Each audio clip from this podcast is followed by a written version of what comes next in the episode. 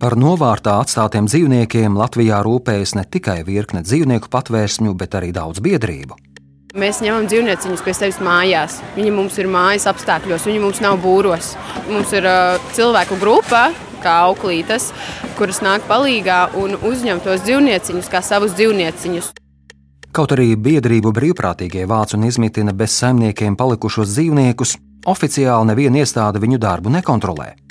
Savā ziņā viņas darbojas pelēkajā zonā, jo neviens nezina, cik ir šādu biedrību, cik šādas biedrības nu, veic šo darbību un cik ir šādas privātpersonas, kas to dara. Tas iepriekš ir novedis pie dzīvnieku ciešanām un bojājas. Te mums pagaidām četri kaķi, kas kaut kādas divas dienas varbūt nav ēduši, nav dzēruši, varbūt tūlīt iedosim kaut kādu ūdeni vai vēl kaut ko. Aiz dīvāna tur vēl kaut kāda saule. Kādēļ desmitiem biedrību, kas rūpējas par novārtā palikušiem dzīvniekiem, strādā gandrīz ārpus likuma? Un kas būtu jādara, lai turpmāk vairs neatkārtotos līdzīgi gadījumi, kad cieš dzīvnieki? To atvērto failu pusstundā pētīs Baiva Kļava, un viņas veidoto raidījumu ierunāšu es, Jadars Džēlzes. Pirmā daļa - glābēji tādi. Ko jūs glābjat?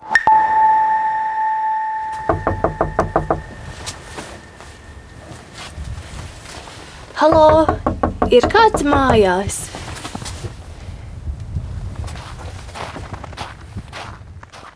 Atrodos tīrumnieku saimniecībā Talsu novada Balgales pagastā. Tā atrodas apmēram 20 km attālumā no pilsētas. Sveiki! Sakiet, tajā mājā, zaļajā, kāds dzīvo? Kurā mājā? Tajā, kur bija tie dzīvnieki. Tukšs. Kaimiņiem, kuri dzīvo pārsimt metru tālāk no ēkas, pie kuras durvīm klauvēju, uzreiz ir skaidrs, par ko ir runa. Pērna februārī policija tur atrada sešus jau mirušus kaķus. Šos, kā arī daudzus citus dzīvniekus, tur izmitināja Monte Juhņevica, kura sociālajos tīklos bija pazīstama kā dzīvnieku glābēja Monta Mīnce. Tagad saimniecībā valda kāpa klusums. Es tur biju tām elektrībām, tur vajadzēja slēgt nost kaut kas. Nu, viss tās sienas ir pieļaukušās ar tiem dzīvniekiem. Šaubas. Gandrīz jānoāc un tad jāceļ jau mājas. Vienīgais kaimiņš, kuru braucienu laikā sastopu klusajā Balgales pagastā, stāsta, ka saimnieki māju remontēs. Bet tur bija viss kārtībā. Jūs kā kaimiņi nemanījāt, ka tur kaut kas notiktu. Pilnīgi tā neko.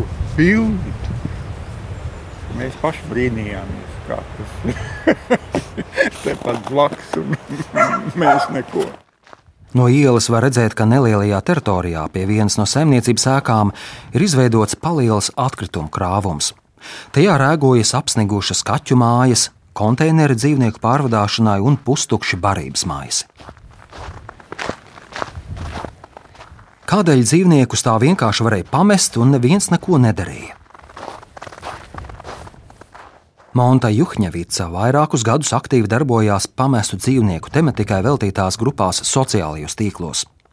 Viņa palīdzēja tiem meklēt jaunas mājas un daļu arī izmitināja pie sevis. Par to viņa saņēma daudzas pateicības. Ieraksti sociālajos tīklos liecina, ka viņa regulāri uzņēma dzīvniekus arī no dažādām biedrībām, piemēram, Tukumā reģistrētās dzīvnieku SOS. Tomēr pirms gada lielā skaitā Balgās mājā izmitinātos dzīvniekus Monta pameta novārtā. Aiziet, sākas video mums. Te mums pagaidām četri kaķi, kas kaut kādas divas dienas varbūt nav ēduši, nav dzēruši, varbūt tūlīt iedosim kaut kādu ūdeni vai vēl kaut ko. Aiz dīvāna tur vēl ir kaut kāda saule. Šāds video materiāls, ko uzņēma otrs tā laika mājas iemītnieks Ivo, pirms gada bija ievietots Facebookā. Vīrietis staigāja pa māju un iemūžināja septiņus kaķus un divus kucēnus, kā arī tur valdošo netīrību. Vienu dzīvojamās istabas grīdu klāja sienas, bet citur telpās dzīvnieku izkārnējumi. Tādā mājā jūs kāds dzīvo no savas, man vienkārši tāds jautājums. Glābēji tādi, zinu, ko jūs glābjat? Paskatāmies tālāk, paskatāmies, te ar virtuvē, paskatāmies, cik skaisti visādi. Ar pilnu virtuvi kaķiem. Februārī par mājām mirušajiem un izdzīvojušiem dzīvniekiem uzzināja plašāka sabiedrība. Biedrības dzīvnieku sosvaldes locekle Gita Grantiņa publicēja attēlus ar mirušiem dzīvniekiem mājā un tās apkārtnē. Tajos var redzēt vairāku kaķu mirstīgās atliekas, kas iesalušas ledū mājas pagrabā. Gitas dzīvnieku aizsardzības biedrība ir viena no tām, kas dzīvniekus atdeva Montai. Ieraksti sociālajos tīklos liecina, ka to darīja vēl vismaz divas citas šādas biedrības. Dienu pēc šo bilžu parādīšanās Uz Balgalas māju aizbrauca vēl divu citu biedrību darbinieces. Savukārt izdzīvojušie dzīvnieki, trīs suņi, pieci kaķi un divas kazas, nokļuva pie vēl citām biedrībām un patversmēm. Es cenšos sazināties ar Montu Juhņevicu Facebook, bet viņa uz rakstītajām ziņām neatbildēja. Līdz pagājušā gada vidum Monta bija arī dzīvnieku aizsardzības biedrības Nika valdē kopā ar Inesu Lauksteini. Ar viņu tiekos Skrundas novada Cieceres pagastā. Mums ir vēl viss procesā, mums arī šīs tuvākās dienas ir arī PVD ciemos, kārtojam atļauju. Pavisam drīz būs pabeigts reģistrācijas process pārtikas un veterinārijā dienestā, lai viņas biedrība oficiāli kļūtu par dzīvnieku patvērsmi. Nāc droši iekšā, te mums ir tāda tā veids mazgāšanas telpa, te viss, viss notiekās, un te mums ir karantīnas, nu, kas arī tā kā ir nepieciešams, bet nav grūti. Arī Viņa izrāda pašu atjaunoto divstāvu ēku, kurā iekārtojušies dzīvnieki. Tajā ir karantīnas zona, apskates telpa, nepieciešamā platība atbilstoši dzīvnieku skaitam un izpildīts arī citas prasības, kuras likums obligāti nosaka dzīvnieku patversmē. Atšķirībā no parastām biedrībām, kam nevienmēr ir vieta dzīvnieku turēšanai, patversmēji tā ir garantēta. Līdz ar to arī Inêses Laukšteinas vadītajai biedrībai būs jāuzņem Skrundas novadā un tā apkārtnē novārtā palikušie dzīvnieki. Jautāju, vai viņa zināja, ka biedrības līdzdibinātāja Monta pagājušā gada sākumā vairs nespēja aprūpēt savā dzīvesvietā uzņemtos dzīvniekus. Mēs jau tur pa daļām jau ņēmām viņus jau ārā, jo viņa, jā, viņa tur uh, Viņa jau bija uzprasījusi jau to palīdzību, ka vajadzēs tos dzīvniekus paņemt. Lai gan abas tobrīd bija biedrības Nika dibinātājas, abas strādāja neatkarīgi viena no otras. Monta talsos, bet Inese skrundā. Inese stāsta, kamēr pati mērķtiecīgi veidoja savu dzīvnieku patvērsmi, Monta turpināja iepriekš iesākto. Proti, viņa brīvprātīgi uzņēma dzīvniekus savās mājās, kas bija viņu pagaidu turēšanas vieta. Monta dzīvniekus uzņēma kā privāta persona, nevis biedrības locekle, tomēr dažreiz Ines palīdzēja viņai apmaksāt dzīvnieku barību. Abas sākotnēji apvienojās, jo biedrības dibināšanai vajadzēja divus cilvēkus, un Montai jau iepriekš bija pieredze līdzīgā biedrībā. Mēs daļu no tiem dzīvniekiem paņēmām šeit, arī PVD ziņā. Mēs uzņēmām 27 kaķus no turienes. No Balgales uz Skrundu Ines atveda arī pāris suņus. Dabūt dzīvniekus laukā bija ļoti grūti, jo to sarežģīja konflikts ar otru Balgales mājas iemītnieku, Montes dzīves biedru Ivo, kuru minēju jau iepriekš. Tā Montes situācija jau rēķina tāda, ka tika vesti tur dzīvnieku rēķini. Nu, tas, ko mēs tikko runājam, ka nav konkrēts vietas, kur viņas liek, jo tur ne tikai viens viena veda, bet tur daudzi veda. Protams, par ko neviens pēc tam arī nu, atbildību negrib uzņemties, jo jā, ir grūti, jo meitenēm nav tās telpas. Pēc viņas teiktā, tieši konflikta dēļ ar Ivo Monta arī pameta dzīvniekus. Es piedalījos tik, cik sākumā es tur mēģināju tos dzīvniekus dabūt ārā, kas arī ļoti mums grūti gāja. Jo, protams, tur stāv tā otra persona, kuras arī viņa pati tajā teritorijā negāja. Mums ļoti grūti gāja. Nebija tā, ka viss tur bija ļoti pozitīvi. Iebraucam, mums viss dod pretī, un viņai pašai tur bija jāslapstās, lai viņa tiktu savā īpašumā iekšā. Ines Lauksteina stāsta, ka ar Montu vairs nesazinās, un pāris mēnešus pēc notikumiem Balgalē sieviete arī izstājās no biedrības. Es viņai prasu, cik dzīvnieku vienlaicīgi varēja atrasties pie Montas mājās. Viņa jau pati jau tā ar vien mazāk un mazāk bija sākusi uzņemt, man tā grūti spriest. Es zinu, ka tur kaut kas arī palika, nu tādi, kas ir mežonīgāki, kurus nevarēja rokās, nu kas ir tieši mežonīši. Vēl februārī Montas pagalmā atradās arī milzīgs kravas konteiners, kurā bija izmitināti dzīvnieki. Jautāju Inesei, vai tas piederēja biedrībai Nika? Nē, tas ir uh, biedrības citas. Jā. Kā tas bija? Tas uh, konteiners ir uh, dzīvnieku sosa. Grantiņas? Jā, jā dzīvnieku sosa. Lai jautātu par konteineru, sazinos ar Gitu Grantiņu no biedrības dzīvnieku SOS, taču norunātajā intervijas dienā viņa mūsu tikšanos negaidīt atceļ. Viņa gan sola atbildēt uz pāris jautājumiem rakstiski. Kad jautāju, vai Balgāles mājā bija arī viņas biedrības montai nodotie dzīvnieki, un to vai konteiners to izmitināšanai pieder dzīvnieku sos, Grantiņa pārtrauc ar mani saziņu un atsūta strupu izziņu. Iespējams, uz jūsu jautājumiem neatbildēšu, jo tie vairāk līdzinās nopratināšanai. Atbildes Gita Grantiņa tā arī nesniedz. Notikumi Tālsu novada Balgales pagastā man liek secināt, ka daļa biedrību, kas uzņem novārtā palikušus dzīvniekus, nespēja tiem nodrošināt pienācīgus izmitināšanas apstākļus. Tās turpina vākt ziedojumus dzīvnieku atbalstam, kamēr pašas viņus nodod citās rokās. Šī nav vienīgā reize, kad dzīvnieki migrē no vienas biedrības uz otru. Otra daļa. Mēs ņemam dzīvnieciņus pie sevis mājās.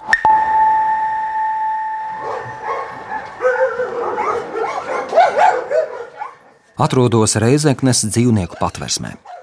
Šobrīd mitinās 15 suņu un ap 30 kaķiem. Raidījuma veidošanas laikā izsakoju septiņu suņu ceļam no šīs patvērsmes tālāk uz citām biedrībām un patvērsmēm. Pagājušā gada augustā Reizeknas dzīvnieku patvērsmē nokļuva pieci kucēni, trīs tumšas krāsas jauktanīšu puikas un divas meitenes. Trīs nedēļas vēlāk visi pieci nonāca Jelgavā reģistrētas biedrības ķepu ķepā īpašumā. Tā rāda informācija no lauksaimniecības datu centra. Biedrība, kas ir reģistrēta kā patvērsme, kucēnu uzturēšanai vēlāk vāca ziedojumus. Ķepu ķepā gan nevar sūdzēties par ziedojuma trūkumu. Aizpagājušajā gadā tā saņēma teju pusmiljonu eiro. Vēl divi citi suņi, Čivava vārdā Gučī un krievu toiterjers Hermes no Ukrainas, pagājušo gadu pēc trīs ar pus reizeknas patvērsmē pavadītām nedēļām nokļuva biedrības nepērts adoptē īpašumā. Aicinājumu adoptēt abus sunīšus un lūgumu interesantus zvanīt, nākamajā dienā pēc to nonākšanas nepērts adoptē īpašumā publicēja vēl trešā biedrība Zanimal Hope. Komentārā pie šī ieraksta ir teikts, ka Gucci un Hermes atrodas pie auklītes.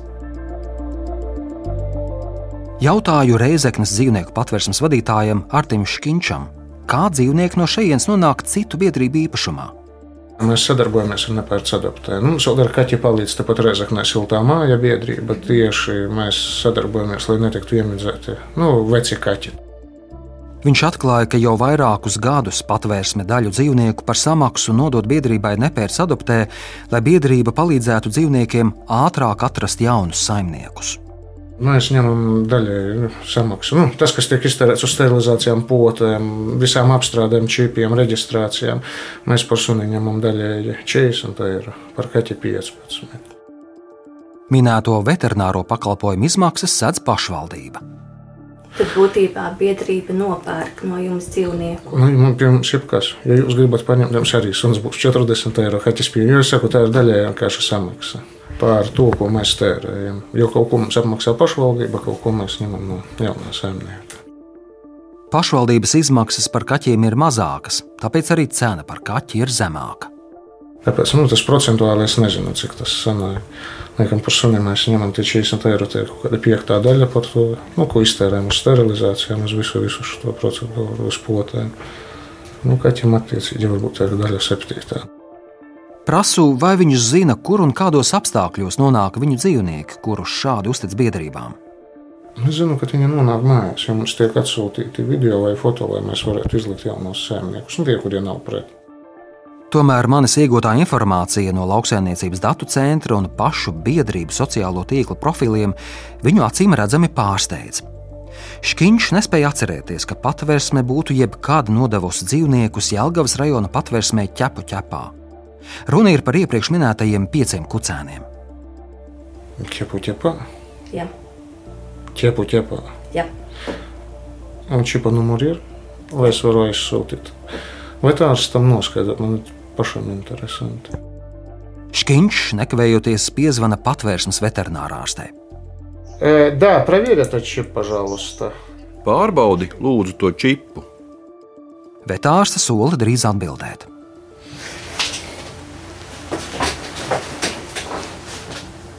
Nu, Skaidrosim. Tas, kurš ķepu ķepā, cik es zinu, mēs neesam atdevuši nevienu, tāpēc man palika interesanti. Pēc pāris minūtēm vadītājs saņem apstiprinājumu. Kucēnu čipa numuri rāda, ka nākamais īpašnieks pēc patvērsmes atstāšanas ir biedrības ķepu ķepā patvērsme. Arī Ukrainas suņuku pārvietošanās atšķiras no tā, kas zināms Škinčam. Pēc ierakstiem Facebookā var redzēt, ka abi dzīvnieki uz jaunajām mājām devās jau decembra sākumā, jeb pāris dienas pēc tam, kad tos uz sevi reģistrēja biedrība Nepērts adoptē. Bet mājas tiem meklēja biedrība Zanimal Hope. Nu, es neticu šo, es ticu to, ko es redzu LDC lapā. Un tur ir patvērsme biedrība un uzreiz jaunais saimnieks. Škiņš tomēr netic, ka suņu ceļš pēc nonākšanas biedrības nepērts adoptē rokās atšķiras no tā, kāds tas ir reģistrēts lauksaimniecības datu centrā. Jautāju biedrības Zanimal Hope dibinātājai Zandai Paeglītei, vai citai biedrībai piedarošie dzīvnieki atradās pie viņas biedrības auklītes. Nē. Mēs nešķirojam arī auklītes. Katrs brīvprātīgais pats izvēlas situāciju, kurā vēlas palīdzēt. Es neuzskatu kādu auklīti par savu. Viņa saka, ka palīdzējusi biedrībai tikai izvietot sludinājumu savas biedrības sociālajos tīklos. Tomēr, kur šie dzīvnieki turētu un pie kā, to nevaru izsakot, jo šīs izmaiņas nav reģistrētas lauksaimniecības datu centrā. Mēs kā biedrības vienu starpā, vienu otrai sadarbojamies. Mēs ejam vienotā mērķī, neatkarīgi kā tas notiek. Jautāju, kā strādā viņas biedrība Zanimal Hope. Mēs ņemam dzīvnieciņus pie sevis mājās. Viņi mums ir mājas apstākļos, viņi mums nav būros.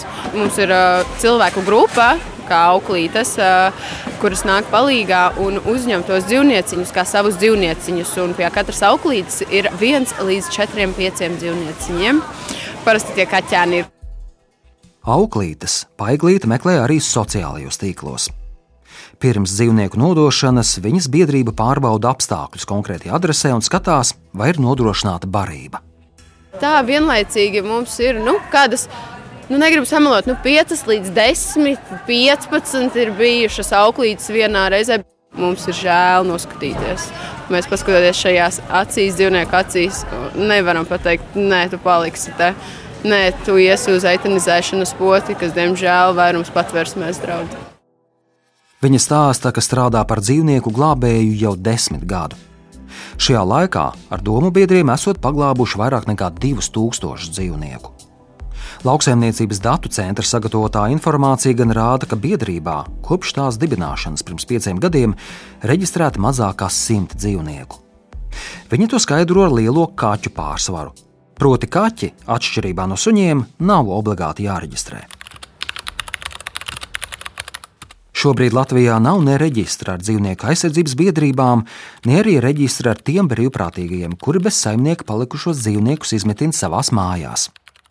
Likums neparedz vākt un uzglabāt šādu informāciju.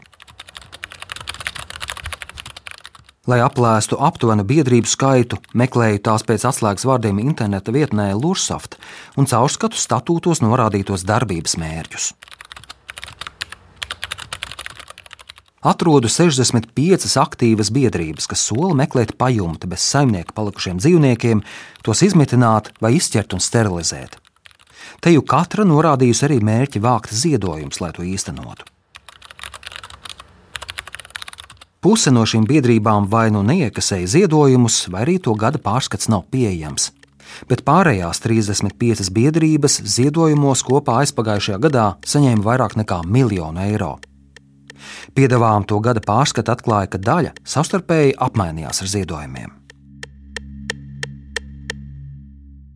Trešā daļa - sejas pie galda nav mainījušās.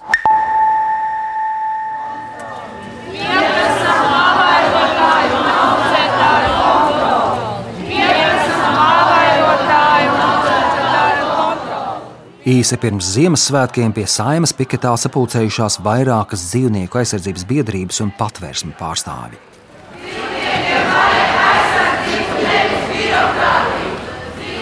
Deputāti kārtējā saimnes sēdē gatavojas balsot par grozījumiem dzīvnieku aizsardzības likumā.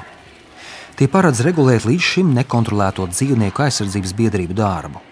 Šādas biedrības var reģistrēt jebkurš un jebkur.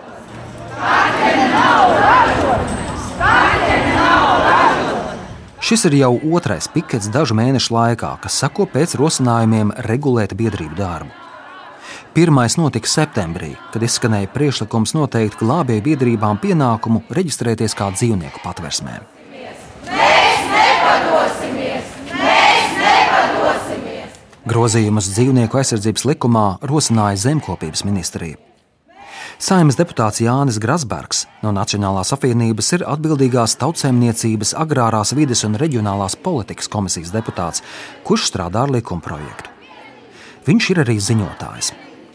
Lai uzzinātu vairāk par gaidāmajiem grozījumiem, uzrunāju Grasbergu intervijai.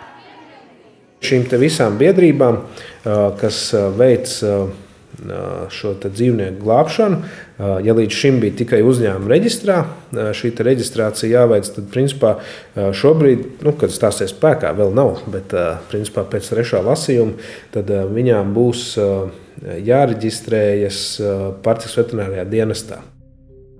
Šobrīd likums nosaka, ka pārtikas un veterinārijam dienestam regulāri jāuzrauga tikai dzīvnieku patvērsmes un dzīvnieku viesnīcas, bet ne biedrības, lai gan daļa veids patvērsmē līdzīgu funkciju.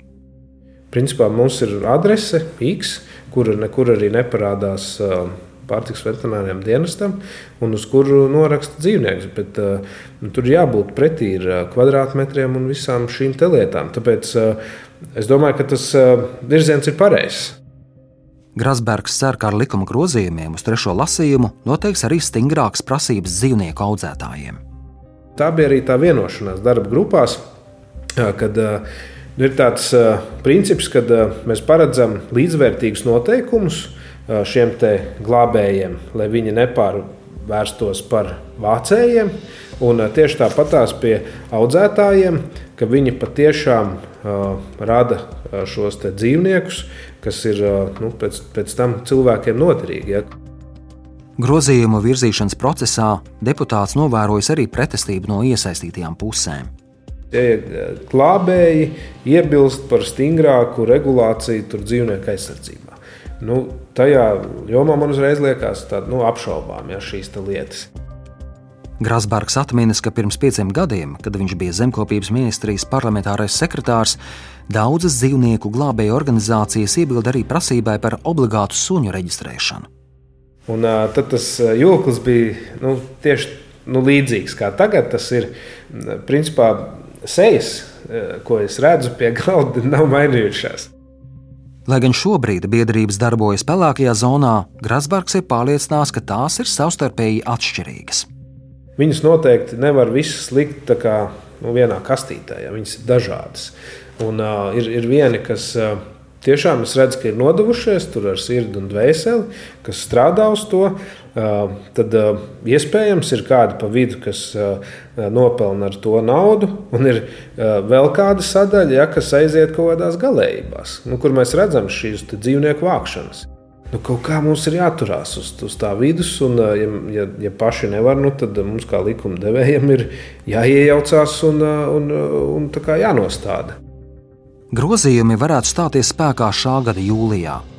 Izmaiņas likumā varētu ne tikai regulēt biedrību darbu, bet arī viest skaidrību, cik daudz patiesībā ir klaiņojošu dzīvnieku valstī. Tas gan ar noteikumu, ja politiķi apstiprinās arī normu par obligātu kaķu reģistrāciju. Šis izmaiņas tieši ietekmēs zemkopības ministrijas pāraudzībā esošo pārtikas un veterināro dienestu, kas atbild par dzīvnieku veselību un labturību savā ziņā viņas darbojas pelēkajā zonā, jo neviens nezina, cik ir šādu biedrību, cik šādas biedrības nu, veic šo darbību un cik ir šādas privātpersonas, kas to dara. Biedrības jau būtībā ir tās, kas organizē visu šo darbību, un katrā biedrībā ir uh, privātpersonas, un līdz ar to tās dzīvnieku turēšanas vietas vienai biedrībai var būt simts. Mairita Rieksniņa ir dienesta veterināro objektu uzraudzības daļas vadītāja. Viņa stāsta, ka tas rada risku infekcijas slimību izplatībai, kā arī nevar izsakot, kur atrodas dzīvnieki. būtībā arī nevar tikt pieņemti tādi tiesiski lēmumi attiecībā uz dzīvniekiem. Ja, jo būtībā kaut vai tā paša dzīvnieku eitanāziju, ko drīkst veikt tikai ar dzīvnieku īpašnieku atļauju. Neviens nezina, vai šim dzīvniekam ir īpašnieks vai nav. Jo viņš ir vienkārši no, no ielas paņemts un kaut kādā dzīvoklī turēts. Tas var apgrūtināt arī pazudušu dzīvnieku meklēšanu. Saimnieks visticamāk vērsīsies patvērsmē un nemaz nezinās, ka mājdzīvnieks atrodas pie kādas privāta personas. Pēc rīkstiņas teiktā, ja biedrības tur lielu dzīvnieku skaitu un faktiski veids patvērsmēm līdzīgu funkciju, bet vienlaikus tās nav veterinārā dienesta patvērsmju reģistrā, tad pašām patvērsmēm zūd jēga būtībā kaut kāda daļa ir reģistrējušies, un tiem ir jāievēro konkrēti nosacījumi, un ir daļa, kam nav jāreģistrējas. Tāpēc tomēr ir tas, ka ir jābūt uz līdzvērtīgiem nosacījumiem. Nu, protams, kad mēs arī saprotam to, ka nu, visos dzīvokļos nu, vienkārši nevar reģistrēt patvērsmi. Ja, tādēļ ir grozījumi šī likumā ietverti, ka nu, vismaz lai būtu kaut kāds reģistrs, lai vismaz mēs zinātu ja, kur ir iespējams šie dzīvnieki un kādas organizācijas ar to nodarbojas. Jautāja arī, vai gadījumos, kad biedrības, kas tur, bet nereģistrē suņus, var sodīt. Dzīvnieku aizsardzības likumā ir paredzēts sots par atsevišķināšanas prasību pārkāpumiem. Tas ir līdz 110 eiro. Ja, kā, nu, ja, ja mēs arī kaut ko tādu konstatētu un būtu kaut kāda sūdzība saņemta, protams, tad varētu arī saukt pie administratīvās atbildības. Jauno kārtību atbalsta arī dzīvnieku aizsardzības biedrības Nika vadītāja Ines Lauksteina, kura brīvprātīgi nolēma reģistrēt savu biedrību veterinārijā dienestā kā dzīvnieku patvērsmi. Viņa uzskaita vairākus ieguvumus. Mums ir līgums, piemēram, ar veterinārā ārstiem. Mums jebkurā laikā, ja kādam dzīvniekam paliek slikti, mums ir veterināra aprūpe. Veterināra ārsts ir uzreiz klāt, viss, viss notiekās. Papildus darbiniekiem ir minimālās prasības arī, nu, piemēram, dzīv, nu, pirmā palīdzības sniegšana dzīvniekam vai kaut kas tāds. Arī izsniegts. Otrais ir tas, ka dzīvnieki ir pārskatāmi, kas vēl tāds ir pa plusiņiem. Telpas, protams, Tas, ka tev viņi ir vienā konkrētā vietā, un tas arī izslēdz vismaz tos atgadījumus, kas internetā arī iet, piemēram, tur tādā, tādā vietā atrast, piemēram, tik un tik daudz dzīvnieku, tas un tas pārkāpts. Ne? Inese stāsta, ka pieredze ar Montu Juhņevicu un bojā gājušiem dzīvniekiem Balgales pagastā ir likusi izdarīt viņai secinājumus. Es saprotu, meitenēm to entuziasms ir tas, ka viņas grib glābt pēc iespējas vairāk, bet nu, jā, ir jāsaprot tie mēri, cik tu vari. Jo mums arī ir tā, ka mums pilnīgi dzīvnieks stāv rindās uz šejienes. Nu, tā, ka tu tiešām mums uzzvan kāds vai nevar paņemt viņu sunu, mēs sakām, nē, rinda milzīgi, ir jāgaida līdz ko kaut kas atbrīvojas, tad mēs tikai varam kaut ko paņemt. Viņa gan nešaubās, ka vairums organizāciju tik tiešām cenšas rūpēties par dzīvniekiem, kuri palikuši bez saimniekiem. Viņi ir ļoti daudz, es pat nevaru komentēt. Viņi tiešām nu, tik, tik daudz tie dzīvnieki, kam ir nepieciešama palīdzība. Tāpēc jau no vienas puses tās biedrības arī vajag. Jo patvērsums ar visu to netiks galā. Vienkārši tas, ka sakārtotība nepieciešama. Jā.